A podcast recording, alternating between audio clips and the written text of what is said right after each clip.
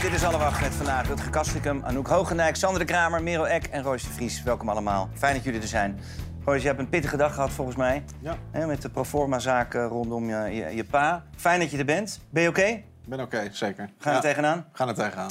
Goed zo. Ehm, straks gaan we het daar ook uitgebreid over hebben. We gaan het ook hebben over het Nederlands elftal vanavond. De opstelling is volgens mij nog niet bekend. Eh, we hebben wel eh, onze Noah, die, eh, die staat in Parijs.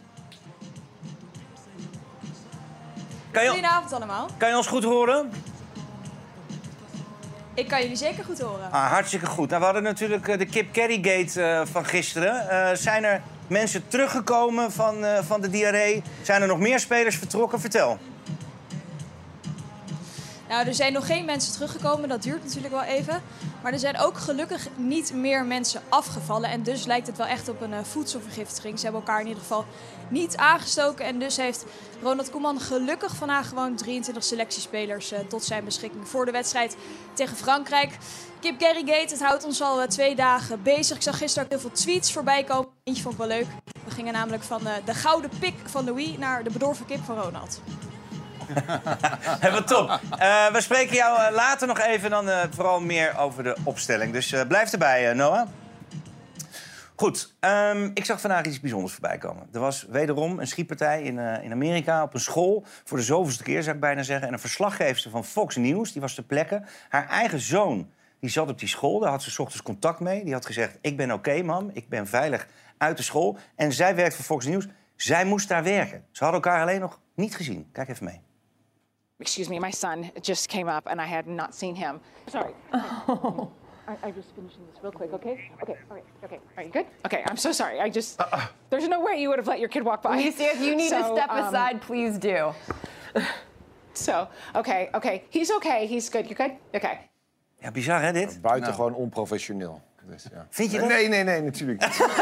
Maar waarom raakt dit zo? Mij raakt dit heel Ja, natuurlijk raakt dit, ja. Dit is, eh, het is toch ook mooi dat ze dit eh, zo doet. Ik zou die camera's ook eventjes, eh fuck it. Ja. Maar ik zou nog veel meer emoties tonen. Ik vond dit nog heel... nog eh, ja, heel ja. koeltjes. Of heel professioneel. Ja. Zo kan je het ook zien. Ehm, wij gaan door eh, met eh, Den Haag. Want het blijft onrustig in het Haagse. Komt het goed of kunnen de campagnes voor de verkiezingen nu alweer uit de kast worden getrokken? Een ongekende historische zege voor de BBB. Na de enorme draai om de oren die de coalitie vorige week kreeg bij de provinciale statenverkiezingen, is het niet meer zo gezellig in het kabinet. Caroline van der Plas pakt haar momentje en nodigt Mark Rutte uit in restaurant De Landbouw. om vanmiddag met ons eh, te komen spreken over de verkiezingsuitslag. En eh, met name wat dit nou gaat betekenen voor het kabinet, maar ook voor het kabinetsbeleid. Rutte laat weinig los over deze bespreking, behalve wat er op het menu stond. Het was pompoensoep, hè? Het was zelfs Thaise pompoensoep. Het zorgt voor irritatie binnen de partij, die vindt dat Rutte onzichtbaar is in deze crisis. Komende dinsdag is er crisisberaad van de top van het kabinet. Hoeveel meer moet er nog gebeuren voordat er een kabinetscrisis is? Waarom kijkt u zo blij? Niets aan de hand, al dus de premier. Maar kan Rutte de neuzen in het kabinet dezelfde kant op krijgen? Ja, Mark Rutte wordt wel vaker dingen verweten. Nu eh, dat hij onzichtbaar is. Waar is hij dan? Eh, hij is nu eh, op een Europese top in Brussel. Dus dat hij een beetje onzichtbaar is, dat kan kloppen. Maar het wordt natuurlijk vanuit zijn achterban verweten nu. Eh, er is ook een brief gekomen eh, naar de partij vanuit partijleden, vanuit eh, lokale bestuurders. Wat zeggen ze dan? Wat willen ze? Ze willen dat dit geluid serieus genomen wordt, dat er beter wordt geluisterd ook. En dat de VVD zich eens even goed achter de oren gaat krabben. Wat voor beleid ze, ze uitdragen en welke boodschap. Dus we hebben begrepen dat er misschien een bespreking ook tussen misschien wat initiatiefnemers van die brief eh, en eh, de partijtop ook. Een crisisberaad, kunnen we dat zo noemen? Ja, dat wordt tegenwoordig overal opgeplakt. De partijen ontkennen elke keer in toonaarde eh, dat er crisis, dat het een crisisberaad is. Ze noemen het natuurlijk gewoon een vergadering of een bijeenkomst. Maar in ieder geval dinsdag komen de, vier, of de drie vicepremiers en de premier bij elkaar om Ja. eens even goed samen te gaan zitten. Is het een beetje mosterd na de maaltijd? Hadden ze toch wel zien, kunnen Nou ja, dat is aankomen? natuurlijk wat hen ook wordt verweten. Ehm, dit, dit, dit wist je toch al. Hè? Dit was ook bij de persconferentie met Kaag eh, vandaag. Normaal wordt dat door Rutte gedaan, maar die is er nu niet. Dan neemt Kaag het over. Eh, van dit, dit geluid had je toch al veel eerder moeten horen en er iets mee moeten doen. En nu pas na zo'n verkiezingsuitslag ga je pas echt daarop acteren. Zij is eh, de vicepremier en jij voelde haar even goed aan de tand. Maar u zegt, we hebben afspraak gemaakt, maar er zijn eh, in ieder geval twee coalitiepartners... eh, die ook zelfs namens het kabinet zeggen, hier moeten we wat mee. Eh, die zeggen wij willen eigenlijk af van die, van die deadline van 2030. Nou, vanuit het kabinet, en volgens mij heeft de minister-president dat vorige week ook gezegd... er is geen verzoek gedaan om de coalitieafspraken open te breken. Nou, indirect gaan- natuurlijk wel. Wat zegt u? Indirect natuurlijk wel. Dit is eigenlijk gewoon een verzoek om het coalitieakkoord open te breken. Nou, dat, dat- die duiding laat ik aan u. Mocht dat verzoek er komen eh, tot het openbreken van het coalitieakkoord, zou u daar dan voor openstaan? Ik sta hier als vicepremier. Nou ja, u, u komt als vicepremiers bij elkaar om erover te praten. Dus kunt u als vicepremier ook een antwoord geven, toch? Nee, ik sta hier als vicepremier voor het kabinet. En dinsdag hebben wij een heel goed gesprek met elkaar... in alle, in alle rust en alle volwassenheid... als mensen die allemaal een verantwoordelijkheid hebben genomen... in dit kabinet, in deze periode. U wilt nu niet even van petje wisselen? Nee, dat doe ik niet. Buiten de zaal straks misschien wel dan? Nee, ik vrees ook van niet. Nee. Jongens, ik, ik, ik heb ergens echt een, een, een, een zwak voor die vrouw. Maar is het precies dezelfde vrouw als dit, drie jaar geleden?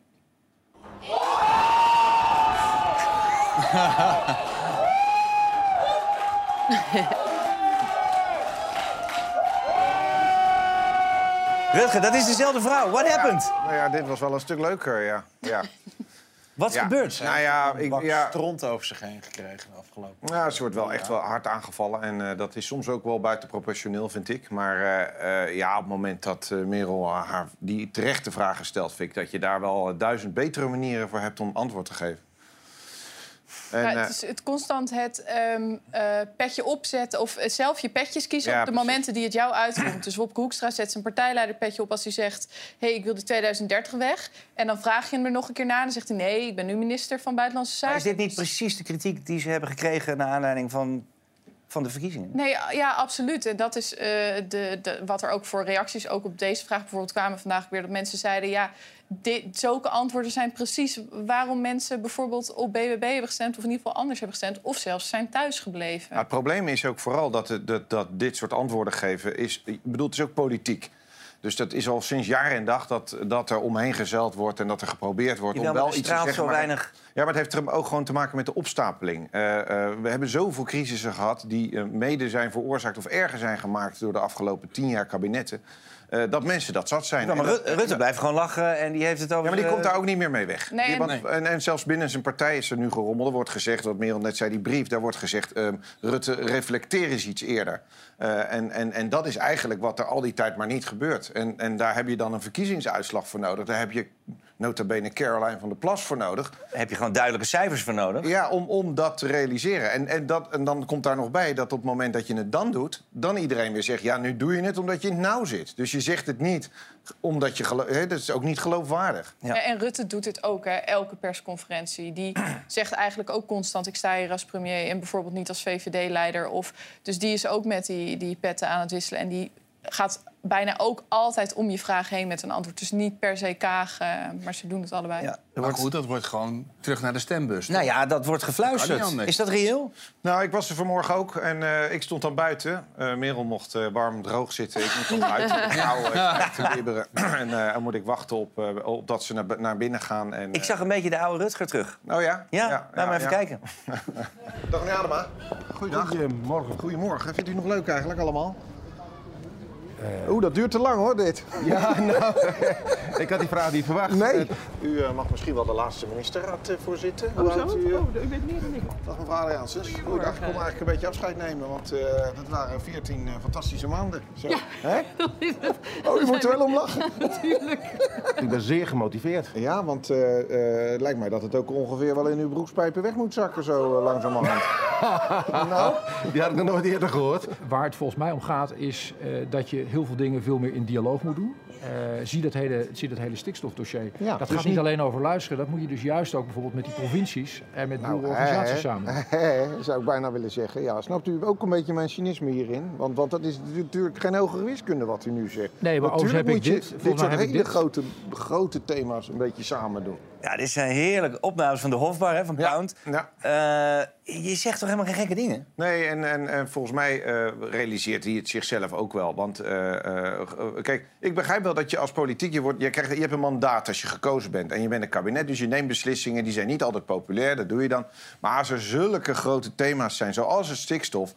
dan doe je er toch gewoon goed aan om ook degene die dat raakt... eerst op te zoeken voordat je dingen gaat roepen... als halveren van die zweestapel, zoals Tjeerd de Groot heeft geroepen van D66. Daar is het allemaal eigenlijk fout gegaan. Ja, wie denkt dat er nieuwe verkiezingen komen hier? Zeker. Wie denkt dat? Handjes omhoog? Nou, het kan ook bijna Nee? niet anders, hè? Want ik bedoel, eh, eh, met deze Eerste Kamer dadelijk... die gaat niks meer van de Tweede Kamer doorvoeren. Dat is een totaal andere Kamer. dus Nou, dat gaat niet meer lukken. Nou ja, kijk, ze kunnen nog strategisch gaan stemmen... waardoor eh PvdA en GroenLinks straks wel eh, me- eh, hen aan de meerderheid kunnen helpen. En dan verandert er in principe niet zoveel, want ze gingen al de hele tijd die weg. Dus ze kunnen het nog, als ze het echt willen, volhouden waarschijnlijk. Ehm, alleen de vraag is inderdaad, bijvoorbeeld nu ook met die spreidingswet... daar ging het vandaag ook heel veel over. Wat is Eh, daar de status van? ja, die gaat dus nu toch naar de Tweede Kamer. Dat was een spreidingswet die moet ervoor zorgen dat eh, vluchtelingen eh, en asielzoekers... die moeten eerlijk over het land verdeeld worden.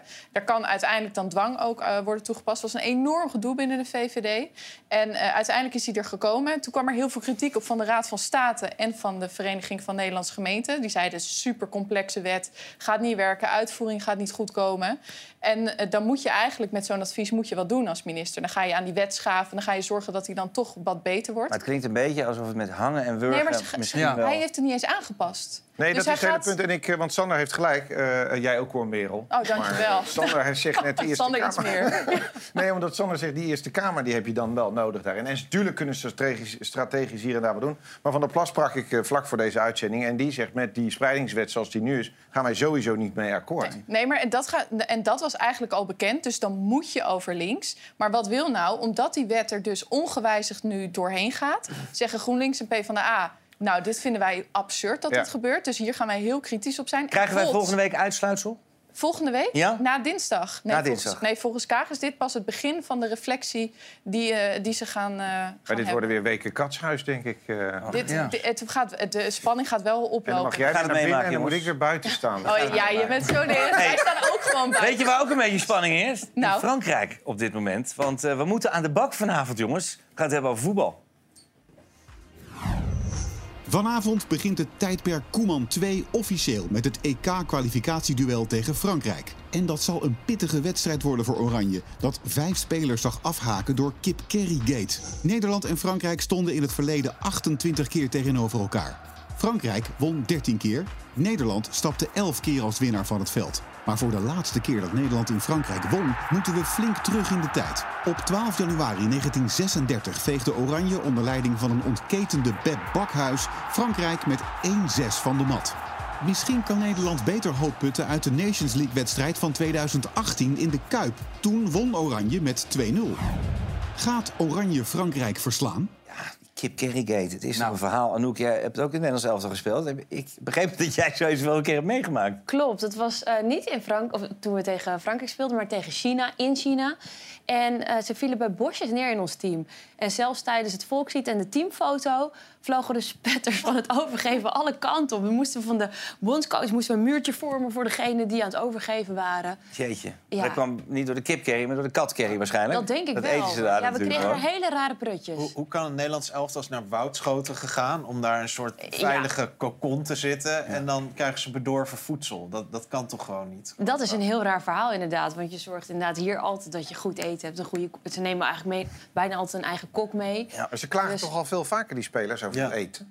Ja. Ah, voordeel is wel dat ze daar allemaal apart op de kamer zijn ze liggen. Naar, speciaal naar Woudschoten gegaan... om dan nog professioneler aan te pakken, afgeschermd te zitten. Zelfs dat heeft niet geholpen. Het had natuurlijk wel wat consequenties. eh, bijvoorbeeld in de opstelling van vanavond. Dan ga ik toch even weer terug naar Frankrijk.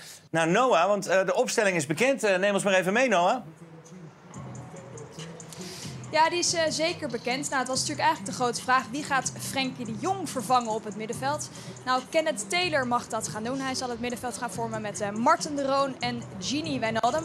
Achterin ook wat wijzigingen. Dat komt natuurlijk ook omdat Matthijs de Licht de kip curry had gegeten. Eh, daarom staat Geertruida naast Virgil van Dijk centraal. Een debuut Spanje.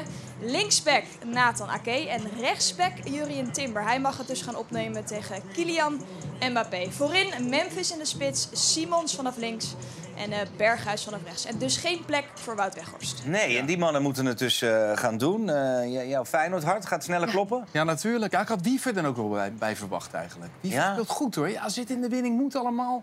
Maar eh, Timber op Mbappé, ik vind dat wel lastig hoor. Maar eigenlijk moet je het wel samen doen, hè? Want de spelers Mbappé, dan moet snel. je denk ik altijd heel kort op zitten en dan moet de ander er meteen achter komen. Dus ik denk dat ze het wel een beetje samen moeten Ja, die gaan kan doen. er wel op Mbappé. Ja. Nou ja, ik zou je vertellen. Ik ben een paar weken geleden naar Bayern München tegen Paris Saint-Germain gegaan. En de licht deed onwijs goed. Dus ik denk dat Mbappé achter die Kip Kerry zit. Nee, dat kan niet anders, joh. Die, was echt, die werd gewoon helemaal de wedstrijd uitgespeeld. Die kwam er niet aan. Ja, ik Had denk dat het enige... keer, hè, met Nederlands elftal. Ja. Toen stopte hij hem ook al af met thuis te licht. Ja. Ik denk dat het enige wat, wat werkt tegen die snelle, eh, sterke spelers... dat je echt heel kort erop zit. Dat je misschien nog in die aanname iets kan doen. En dan hopen dat ze hem iets te ver voor zich uitspelen in de dribbel... en dat dan iemand anders erachter komt. Maar Ik denk, hij had juist met een voedselvergiftiging een goede kans gemaakt, denk ik, tegen Mbappé. Maar goed, het wordt maar moeilijk. hè? Mbappé nu eh, aanvoerder. Eh, Ja, maar daar rommelt het ook, hè? Ik bedoel, niet alleen in de buik, maar bij Frankrijk rommelt het vooral altijd al in die ploeg. Is altijd gezeik in die ploeg. En nu weer om Griezmann. Ja. Die zou dan captain willen worden en die wordt het dan niet. En dan wordt het gedoe en eh, iedereen vliegt elkaar daar in de haren. Het is eigenlijk altijd wat in Dat Frankrijk. is niet normaal. Hij is Ze zijn altijd 24 goed. jaar pas, hè, die eh, met Papé. eh, 36 goals al, als ik, Ja. het, eh, als ik het niet goed heb.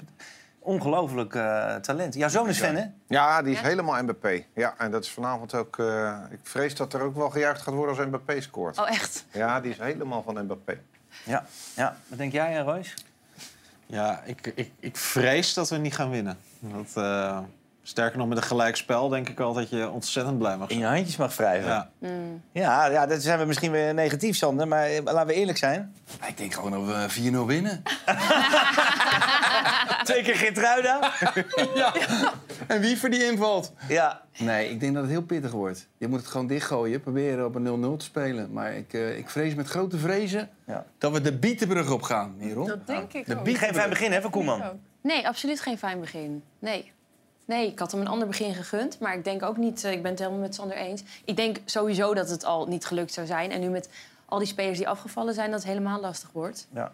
Aan de andere kant eh, kun je nu tegen die gasten zeggen... nou, hebben we echt niks meer te verliezen, toch? Nee. Ja. Ja, klopt. En het balletje kan raar rollen, Rutger. Ja. Ja, zo is dat. Zeggen ze wel eens. Hey, maar, Nou ja, en een nieuwe wind weer. eh, maar Koeman spaarde wel die kok van dat uh, woudschoten. Want die zei van, nee, het ligt niet aan de kip Kerry. Terwijl ja, Ja, en Virgil van Dijk zei ook dat hij zelf kip curry had gegeten. Die had er geen last van gekregen. Koeman dat spaart altijd mensen wel, hè? Die is Ja. altijd wel aardig. eh, ja maar goed, als je dat overkomt net, als je net bondscoach bent... Ik, ik had me doodgevochten, echt. Ja, precies. Ja, precies. Eh, Noah, ben je daar nog? Eh, de sfeer in Frankrijk, hoe, ehm, hoe, hoe gaat het daar? Eh, wij hebben hier niet zoveel vertrouwen in de wedstrijd. Eh, onze diehard fans wel daar? Ja, natuurlijk. Anders komen ze niet naar Parijs. Die waren vandaag al de hele dag in de stad eh, te vinden. Van kroeg naar kroeg gingen ze. Het zijn er zo'n eh, 2600 die er eh, vanavond bij aanwezig zullen zijn. In het Stade Frans, wat stijf uitverkocht is. 80.000 man gaat erin. Het wordt een pittige wedstrijd voor Oranje, maar eh, deze 2600 man die hebben er in ieder geval zin in. Ja, mooi eh, Noah. Eh, veel plezier vanavond, veel succes. Wij spreken elkaar maandag weer. Dan eh, sta je bij de Kuip. Eh, voor nu, dank je wel en eh, tot later. Ehm Koeman neemt nu het stokje over van Vergaal. Ja. Ehm, ken je ze bij, eh, een beetje allebei? Ik ken ze allebei een beetje, ja. ja. Ik vind dat er wel wat overeenkomsten zitten. Want ze staan alle twee wel echt boven de groep. Ze zijn duidelijk, ze dwingen wel respect af. Ehm, maar er zijn ook grote verschillen. Eh, ik vind dat Van Gaal is natuurlijk veel... Ja, als je in een bespreking zit of zo, je moet altijd op je hoede zijn wat er gebeurt. En eh, Koeman is misschien wat geleidelijker, iets, iets nou ja, makkelijker, voorspelbaarder. Eh, en in de speelwijze natuurlijk, Koeman die gaat weer terug naar de 4-3-3. Ja. Daar ben ik zelf wel voorstander van, dus daar Ja. ben ik wel heel blij mee. Ook als je er niet de spelers voor hebt. Ja, dat is altijd een beetje het eh, ding. Maar ja, ik vond met 5-3-2 dat we ook niet altijd daar de juiste spelers hadden om dat voorin eh, goed neer te zetten. Ik denk inderdaad wel dat je moet kijken naar de ploeg. Maar ik hou wel gewoon echt van het Nederlandse voetbal met de buitenspelers. Maar tegen een, ploeg, de- deze ploeg als Frankrijk is het Ja. misschien wat overmoedig. 4-3-3. Maar het is ook maar net hoe je het invult, hè? Want 5-3-2 kan je ook zeggen dat je maar met Dood of de eh, gladiolen, zeggen ze wel eh, in Dood of de 010. gladiolen, Ja. ja, zeker. Ja. Dat zeggen ze in Rechts zo die gaat. In Utrecht is dat. Oh ja? Ja.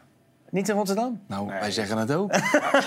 Bij ons ook? Gladiolen. Ja, daar Bij jullie ook wel? In Utrecht. We gaan het zien, jongens, eh, vanavond. Eh, het wordt in ieder geval eh, heel erg spannend. Eh, we gaan verder met de sport. eh, want om de atletiek eerlijk te houden... mogen transvrouwen niet meedoen aan wedstrijden... als ze de puberteit als man hebben doorgemaakt. Volgens de Wereld Atletiekbond is er te weinig bewijs... dat transvrouwen geen voordeel hebben ten opzichte van biologische vrouwen.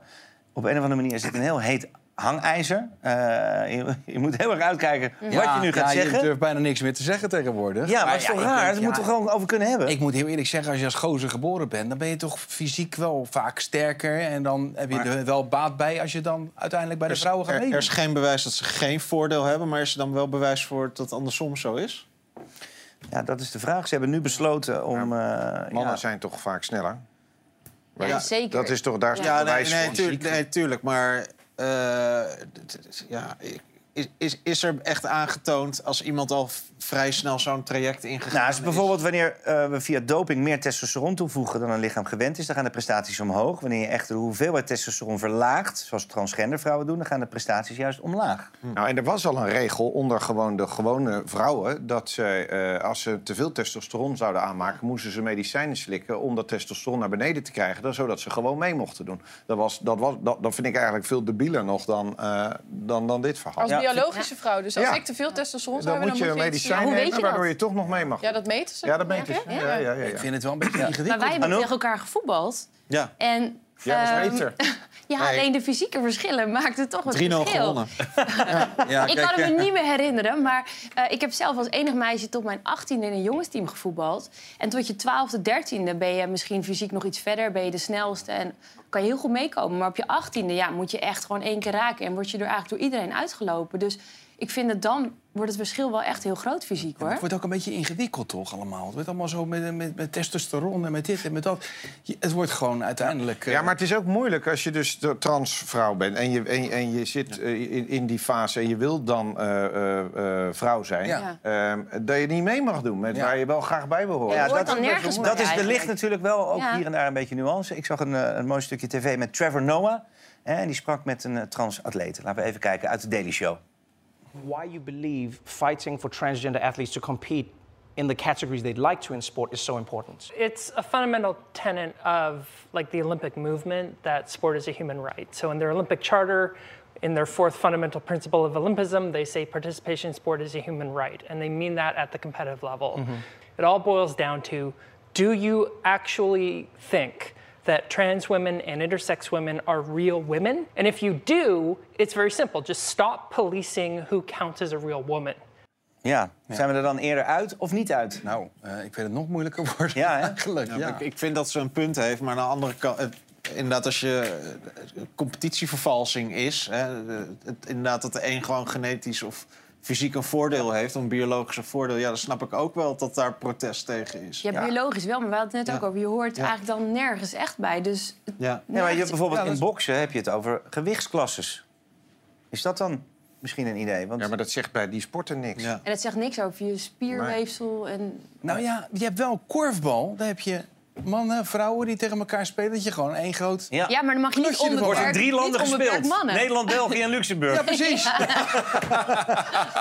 Ja, en tegenwoordig Duitsland, hè? Die waren alweer wereldkampioen. Ja, toch? dat is waar. Hè? Die zijn net begonnen. En dat douchen, hè? gaan we daar ook nog... Ja, ja, zeker. Ja, Ja, ja. Ja, ja. Goed, hier is het laatste nog niet eh, over gezegd. We gaan door met eh ander nieuws van vandaag. Ehm, er zijn inmiddels acht mannen die verdacht worden van de moord op Peter R. de Vries. Vandaag vond een nieuwe proforma-zitting plaats...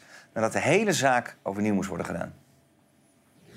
De schutter en chauffeur worden vrijwel direct na de aanslag gearresteerd. Afgelopen zomer worden nog vier verdachten aangehouden, waaronder de vermoedelijke regisseur van de moordopdracht. Het OM spreekt van een terroristische daad. Het is voor het Openbaar Ministerie echt tot hier en niet verder. Tegen de twee uitvoerders wordt levenslang geëist. In het proces maken Royce en Kelly de Vries gebruik van hun spreekrecht. Over mijn vader zullen ze schrijven dat het een held was. Maar dan blijkt dat het hele proces moet worden overgedaan, omdat een van de rechters emigreert naar het buitenland. Pas in een laat stadium is bekend geworden dat deze rechter zou vertrekken. En zo zijn we terug bij af. Vandaag is er een nieuwe inleidende zitting... waarin ook een nieuwe, inmiddels achtste verdachte voor de rechter staat. Lutgardo S. Het OM verwacht binnenkort nog een verdachte te zullen aanhouden. Het einde van de zaak lijkt dus nog lang niet in zicht. Welke gevolgen heeft het overdoen van dit proces?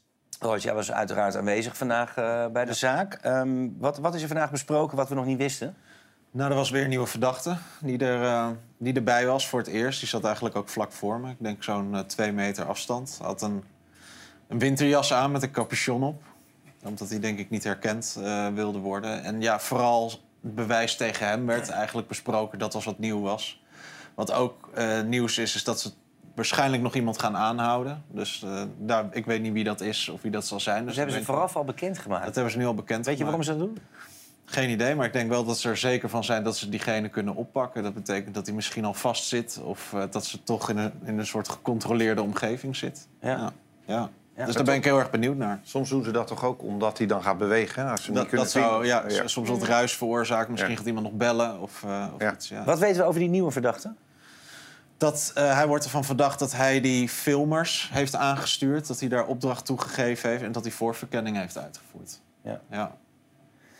Dus, Eh, eh, Negen mensen waren dus met hetzelfde doel bezig. ja. Dan Dat- zit je daar vandaag weer. Dan... Het is een grote groep. Het is eigenlijk al een, een monsterproces waar het eerst twee verdachten waren en vrij overzichtelijk was. Ja, zit je nu met nou ja, zeven verdachten in de zaal met allemaal een advocaat die allemaal hun verhaal willen vertellen. Ja, dat maakt het best belast, belastend. Aan de ene kant wil je dat de onderste steen boven komt en aan de andere kant eh, ja, is zo'n dag best wel zwaar en, en belastend ook. Ja. En, eh, Je kijkt ze ook de hele tijd in de ogen, lijkt me. ja, natuurlijk. Je moet je toch voor zo'n dag opladen. Het is niet meer zoals bij de eerste keer. Want toen bonkt het hart in je keel van... goh, eh, nu ga ik, nu ga ik ze zien. En nou ja, nu is het toch wel de tiende of eh, tiende zitting. Dus dan is dat iets normaler. Heb je dan contact, oogcontact? Eh, soms wel, ja. We hebben gehad. Ik heb bij de vorige zitting gehad dat één me echt ook wel aankeek. Dat het een eh, paar seconden duurde. Dat je dan denkt, nou, ik ga ook niet wegkijken dan. Eh, dus dat heb je dan wel, inderdaad, ja. Jeetje. Ja. Wat gaat er dan door je heen? Ja, aan de ene kant natuurlijk ook wel boosheid. Aan de andere kant eh, heb ik ook wel heel erg veel vertrouwen in hoe dit nu gaat. Die gasten zitten nu vast. Eh, ik weet van minuut tot minuut wel eh, wat er gebeurd is. En heel veel rechtszaken maak je ook mee. Bijvoorbeeld bij zo'n Nicky Verstappen. Die ouders hebben ruim 20 jaar moeten wachten tot er überhaupt een arrestatie kwam. En zelfs nu een hoger beroep is een veroordeling. En eigenlijk weten ze nog steeds niet precies wat er gebeurd is. En het geeft mij wel rust dat ik... Ja, dat onderzoek is heel goed verlopen. Ze hadden heel snel die daders gepakt... waardoor ze heel veel bewijs hebben kunnen verzamelen. Waardoor ik van minuut tot minuut gewoon weet wat er, wat er gebeurd is. Op een bepaalde manier geeft dat rust. Maar het blijft natuurlijk niet een leuk proces. En ik heb wel geaccepteerd nu dat de komende zeven jaar van mijn leven nog hieruit zal bestaan. Het is geen sprintrace, dit is een, een marathon. Nee, want eh, er gaan misschien ook weer later ho- hoger in de boom mensen gearresteerd worden. Er gaat een hoger beroep plaatsvinden, dan, dan weer cassatie en noem maar op. Ja, daar gaan gewoon jaren overheen. En inderdaad, het proces moest over en dat vond ik naar en vervelend. Ja. Maar ik heb nu toch maar bij neergelegd eh, van dat het even gaat duren. Dus dan, dat is denk ik de beste manier om er dan mee om te gaan. Wie gaat er met jou mee op zo'n dag? Eh, mijn moeder was vandaag mee, normaal ook mijn zus.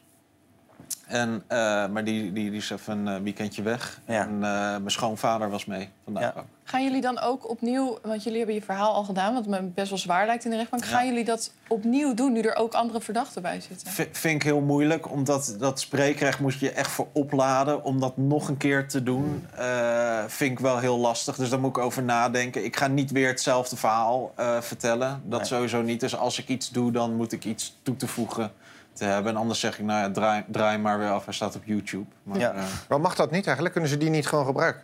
Dat, dat zou kunnen. Ja, je mag eh, spreekrecht op. Zelfs je advocaat mag het volgens mij voordragen.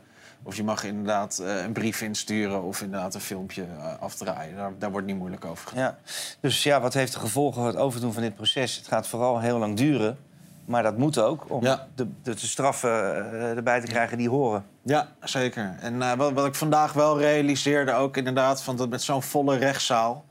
van hoeveel mensen hier mee bezig waren eh, om dit te doen. Het is geen geen daad geweest van, eh, van iemand die impulsief bezig is geweest... of van een eindselganger of een Mhm. lone wolf of iets. Maar dat je denkt van ja, hier was gewoon een hele grote groep mensen... al weken of maanden van, eh, van op de hoogte om dit te doen. En Vandaar dat is terecht, best wel iets- terreurdaad. Ook, inderdaad. Eh, maar meerdere reden best ook wel angstaanjagend. Hè? Van, eh, eh, in de periode dat ik gewoon leuk met mijn vader uit eten ging of iets... Ja, waren mensen al bezig om, ja, met deze plannen. En, ehm, ja. Lange adem, man. Ja, zeker. Ja. En, het, we zijn er nog niet. Nee. In ieder geval. Nee, sterkte hè, verder daarmee. Ehm, even heel wat anders, jongens. Ehm Jungkook. Ik ga- kijk even naar jou, Sander. Als ik zeg Jungkook, je hebt een dochter die is influencer. Weet je dan... Jungkook? Jungkook? Nee? Dat mis. Oké. Kijk even mee, want dit gebeurde tijdens een livestream van BTS-zanger Jungkook. 아 그래서 나는 그래도 당... 지금 같이 있잖아 우리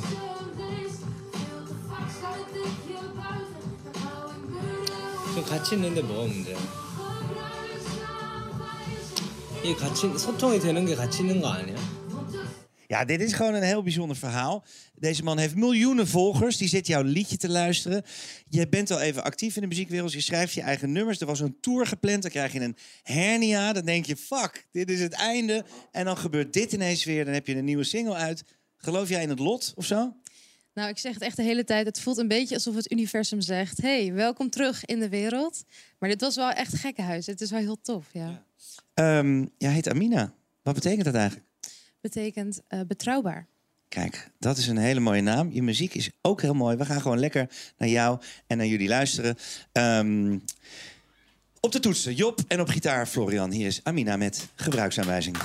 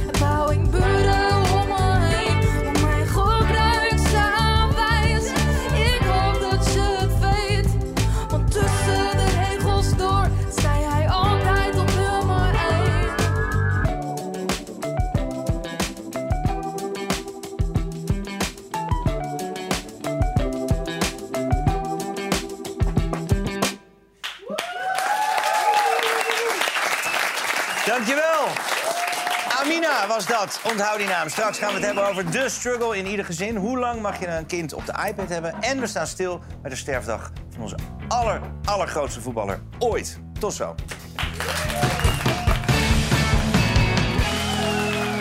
Ja, welkom terug allemaal. Je kijkt nog steeds naar alle wacht. Straks gaan we het hebben over tablet time. Eh, maar nu eerst, het is 24 maart. Zeven jaar geleden. Iemand? Johan Cruijff. Ja. Ja. Alweer zeven jaar geleden. Gaat de tijd snel, hè? Bizar, hè? Wat heb jij voor herinnering aan hem? Ja, heel veel. Ik heb, hem, eh, ja, ik, heb, ik heb ook wel een legendarisch verhaal met hem meegemaakt. Ik mocht hem interviewen voor de wandeling. En eh, ik kreeg van de manager te horen... oké, eh, je krijgt eh 15 minuten in Barcelona. Ik zei, ja, het programma is 25 minuten. Dat wordt heel lastig. Hij zei, oké, je krijgt 40 minuten, maar geen minuut meer. Hij zegt, en één ding, als je over de varkens gaat beginnen... want hij is natuurlijk ooit failliet gegaan op varkens... Hij dan stop ik er meteen mee. Dan grijp ik in. Dus ik denk, oké, oké. Ik begon al een beetje... Dus ik heel snel het interview, ik voelde me heel erg gehaast. En hij was zo relaxed, hij was zo leuk. En, en joh, hij raakte me ook elke keer aan en het was gezellig. En op een gegeven moment toen eh, werd 20 minuten, werd 40 minuten dus. 40 werd 80 minuten, werd 2 uur. En hij bleef maar lopen en het was gezellig. Als En ik maar niet over die varkens begin, dacht jij. Zegt hij tegen mij van, ja, weet je wat het is, Sander?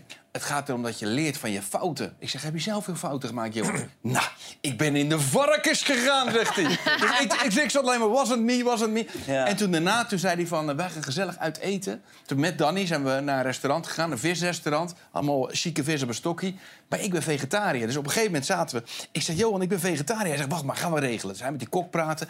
Toen kreeg ik zo'n bord met fijn geraspte patatjes... met een hele grote klodder mayonaise. Maar hij zat zo te kijken, Johan, zo...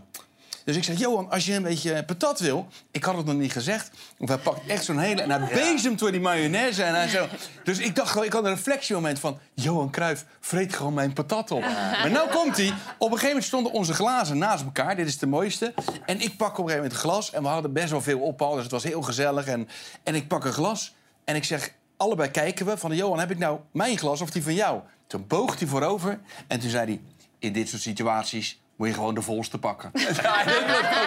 Fantastisch. Ja, wat Wat zo mooi. En jij hebt het over Danny. Ehm, ik heb haar vanochtend eh, even gebeld.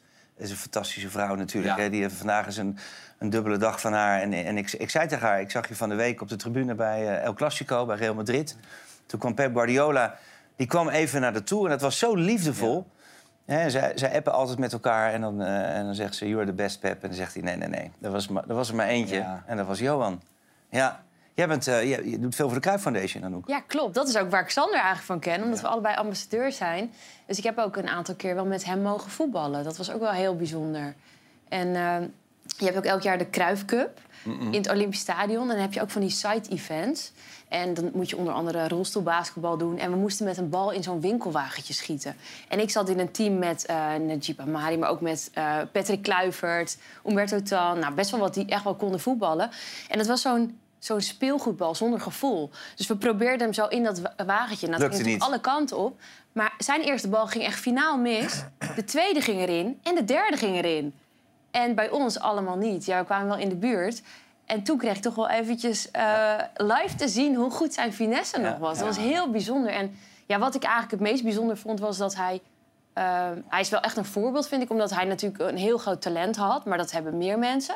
Maar ook wat hij er daarna nog mee heeft gedaan. Hij heeft een foundation opgericht. Hij deelt het. Hij, hij was er altijd. En hij was er niet alleen zoals heel veel BN'ers, maar hij was er ook echt. Hij nam voor iedereen de tijd, wat je ook zei. Hij had in iedereen interesse. Ja. En dat vond ik wat hem echt heel bijzonder Ja, het was overal op de wereld waar je kwam. eh, je zei, ik kom uit Nederland. Dan was het al een Johan Cruijff, Johan Cruijff. Hij is, is gewoon de ambassadeur van Nederland geweest wereldwijd. Ja, en hij, hij, ja, hij, hij was ook overal goed in. Althans, dat, Overal. dat zei hij ook. Ik, weet één verhaal van Danny. Ja. Dan liepen ze over straat en dan, in- in- door Barcelona. Daar waren er twee stratenmakers.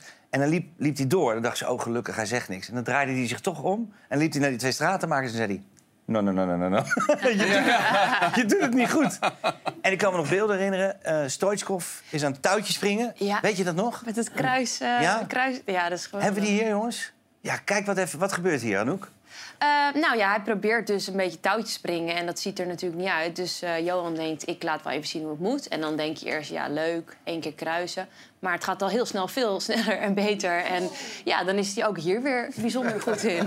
Het is mooi, jongens. Hij, Ehm, hij heeft nog een legendarische anekdote met Stoichkov. Hè? Dus zei Stoichkov, die zei, ik ben in vorm, ik ga drie doelpunten maken vandaag. Dus Johan die zei van, nee, jij gaat echt geen drie doelpunten maken. Maar gaan we wedden? Dat is goed. Dus ze hadden er een bedrag op gezet. En toen maakte Stoichkov na tien minuten de eerste goal. Dus hij zat al zo naar de- want die was natuurlijk de coach. Zo van, hey, gaat goed, hè? Hij zei, ah, mooie goal. En toen maakte hij, eh, vijf minuten voor rust, maakte hij de tweede goal, Stoichkov. En die tweede goal. Ja. En toen was het... Wissel! dus Stoichkov eruit. En toen heeft hij uiteindelijk gezegd... ja, gaat er niet in Amsterdam straatschopper, die krijgen niet eronder. Zei, Dat zei hij toen. Ja, ik heb Mooi, hè? verschrikkelijk gelachen met Ja, jongens, eh, ja, door het er toch over te hebben, zo houden we hem eh, in leven. Ja. En dat moeten we ook eh, heel vaak blijven doen. Dan, vandaag stond in alle kranten... kinderen die zitten te veel tijd achter een scherm... blijkt uit een onderzoek. Ja, het zal ons niet verbazen. Alle consequenties van dien. Het is de joker die vaak wordt ingezet. Je kind voor een scherm, even tijd voor jezelf. Maar zo onschuldig is het niet. De gemiddelde schermtijd van kleuters en peuters is dit jaar met maar liefst 7 minuten toegenomen. Kinderen tot 6 jaar besteden gemiddeld 100 minuten per dag achter een scherm. Het mediagebruik van jonge kinderen ligt op dit moment aanzienlijk hoger dan volgens de Wereldgezondheidsorganisatie verantwoord is. Ik vind dat best lastig, want dan ben ik zelf druk en dan denk ik, nou ga maar even op die tablet kijken, want dan kun je je even vermaken. Volgens een richtlijn van de WHO zouden kinderen tot 2 jaar eigenlijk helemaal geen media moeten gebruiken. Bij jongeren tot 5 jaar moet dat beperkt worden tot een uur per dag. Dus het is niet te voorkomen, maar ik denk wel dat je een kind kunt opvoeden met zelf ook verantwoordelijkheid nemen in wat goed voelt en hoeveel tijd het waard is. Is deze ontwikkeling nog te stoppen? Dat is de grote vraag. Ik begin even bij Rutger, die heeft de meeste kinderen, 12.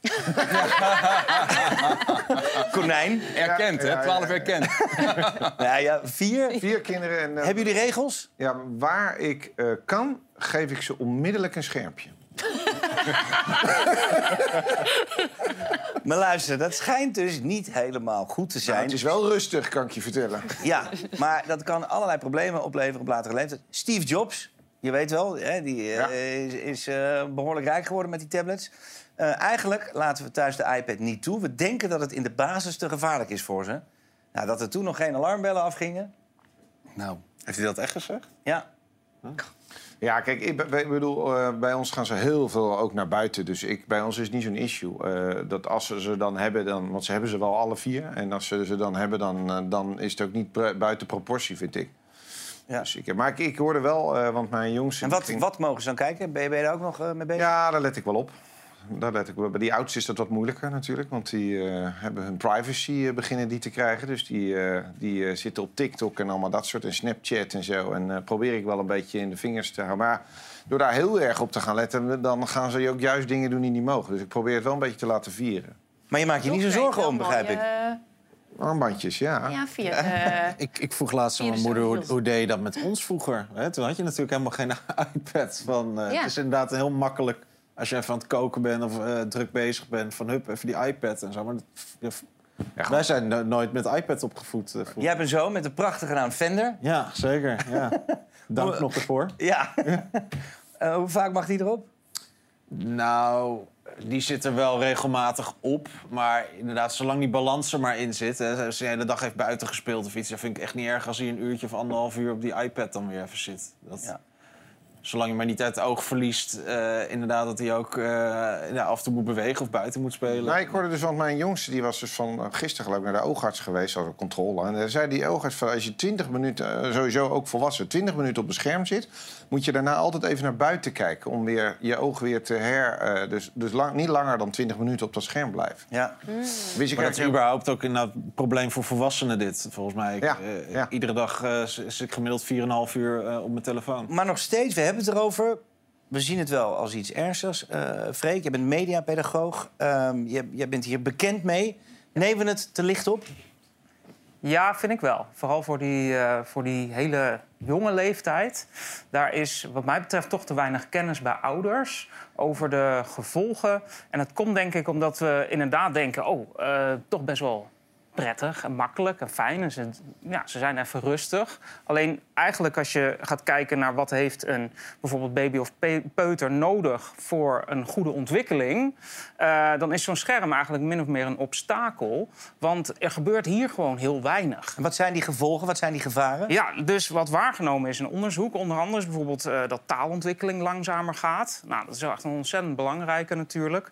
Eh, maar je hebt ook bijvoorbeeld, als je denkt aan de cognitieve vaardigheden, dat dus bijvoorbeeld ook hè, dus de, het, het kunnen reguleren van je emoties, bijvoorbeeld. Als je de hele tijd een telefoon in je handen krijgt op het moment dat je gaat huilen, ja, dan leer je dat eigenlijk helemaal niet. Ja. En ehm, daarna heb je ook, hè, dus jullie noemen al even heel mooi hoor, want het gaat echt over, over ogen. Inderdaad, dus fysieke problemen. Dus het kan ook eh, dat je inderdaad eh, last van je ogen krijgt. Sommige kindjes mogen s'avonds voor het slapen, nou die kunnen dan slecht slapen.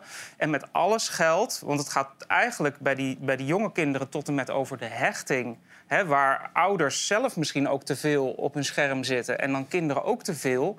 Dat is echt die band die er moet zijn, die intieme band. Veel praten, veel kijken, veel de behoeftes van het kind eh, aankijken en eh, hè, iets mee doen. Die data die, die is er natuurlijk nog maar net. Hè? Over een jaar of vijf, zes, zeven, acht. Dan weten we het echt. Maar wel wat voorzichtiger mee zijn, dus zeg jij. Exact. Maar hoe lang ja. mag het dan wel?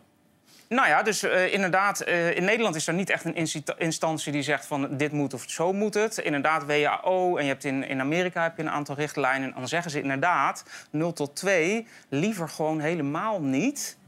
Of als je dat doet, videobellen met je familie. Ik zie jou kijken, Dat Anouk. mag wel. Ik heb er je een van met- 0 en een van 2. Maar ja, hou je eraan? Ja. Nee.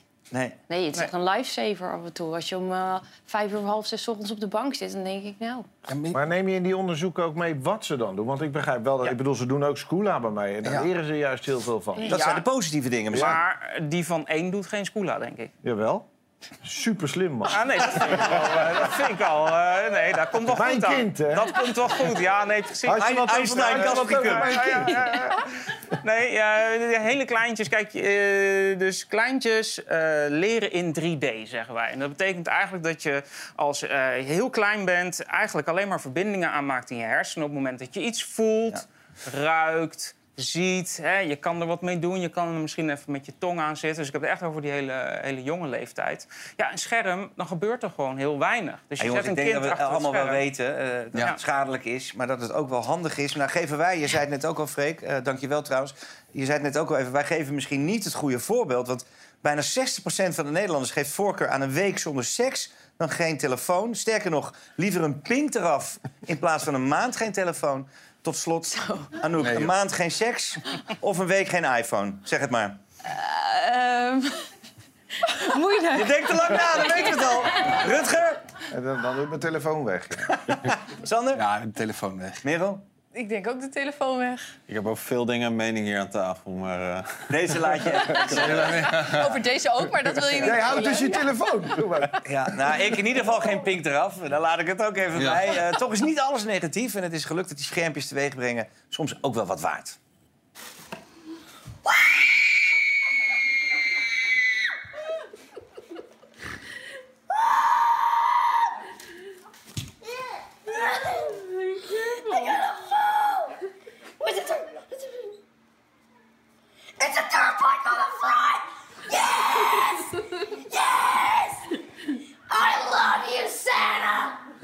Daar gaat het gewoon nog allemaal goed. Jongens, tot slot. Eh, onlangs werd eh, vriend van de show, Herman Brusselmans... op 65-jarige leeftijd voor het eerst vader. Het kan nog later, want in dierentuin van Houston, Texas... is schildpad Mr. Pickles voor het eerst vader geworden. En dat op de leeftijd van 90 jaar. We hebben live beelden. We schakelen over naar Houston. Mr. Pickles heeft inmiddels de smaak te pakken. Luister maar.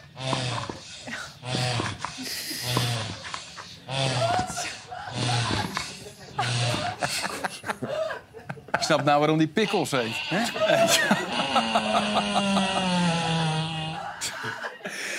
De money shot. Heerlijk. Ik wil al mijn gasten bedanken van vanavond. Maandag zit ik hier eh, uit. weer. Want eh, Ja. Helene is dan eh, bij Oranje aan tafel. Bij mij dan Helene van Rooyen, Jack van Gelder. Eh, fijn weekend. Wees een beetje lief voor elkaar. En vergeet de klok niet, hè, morgen. Doei.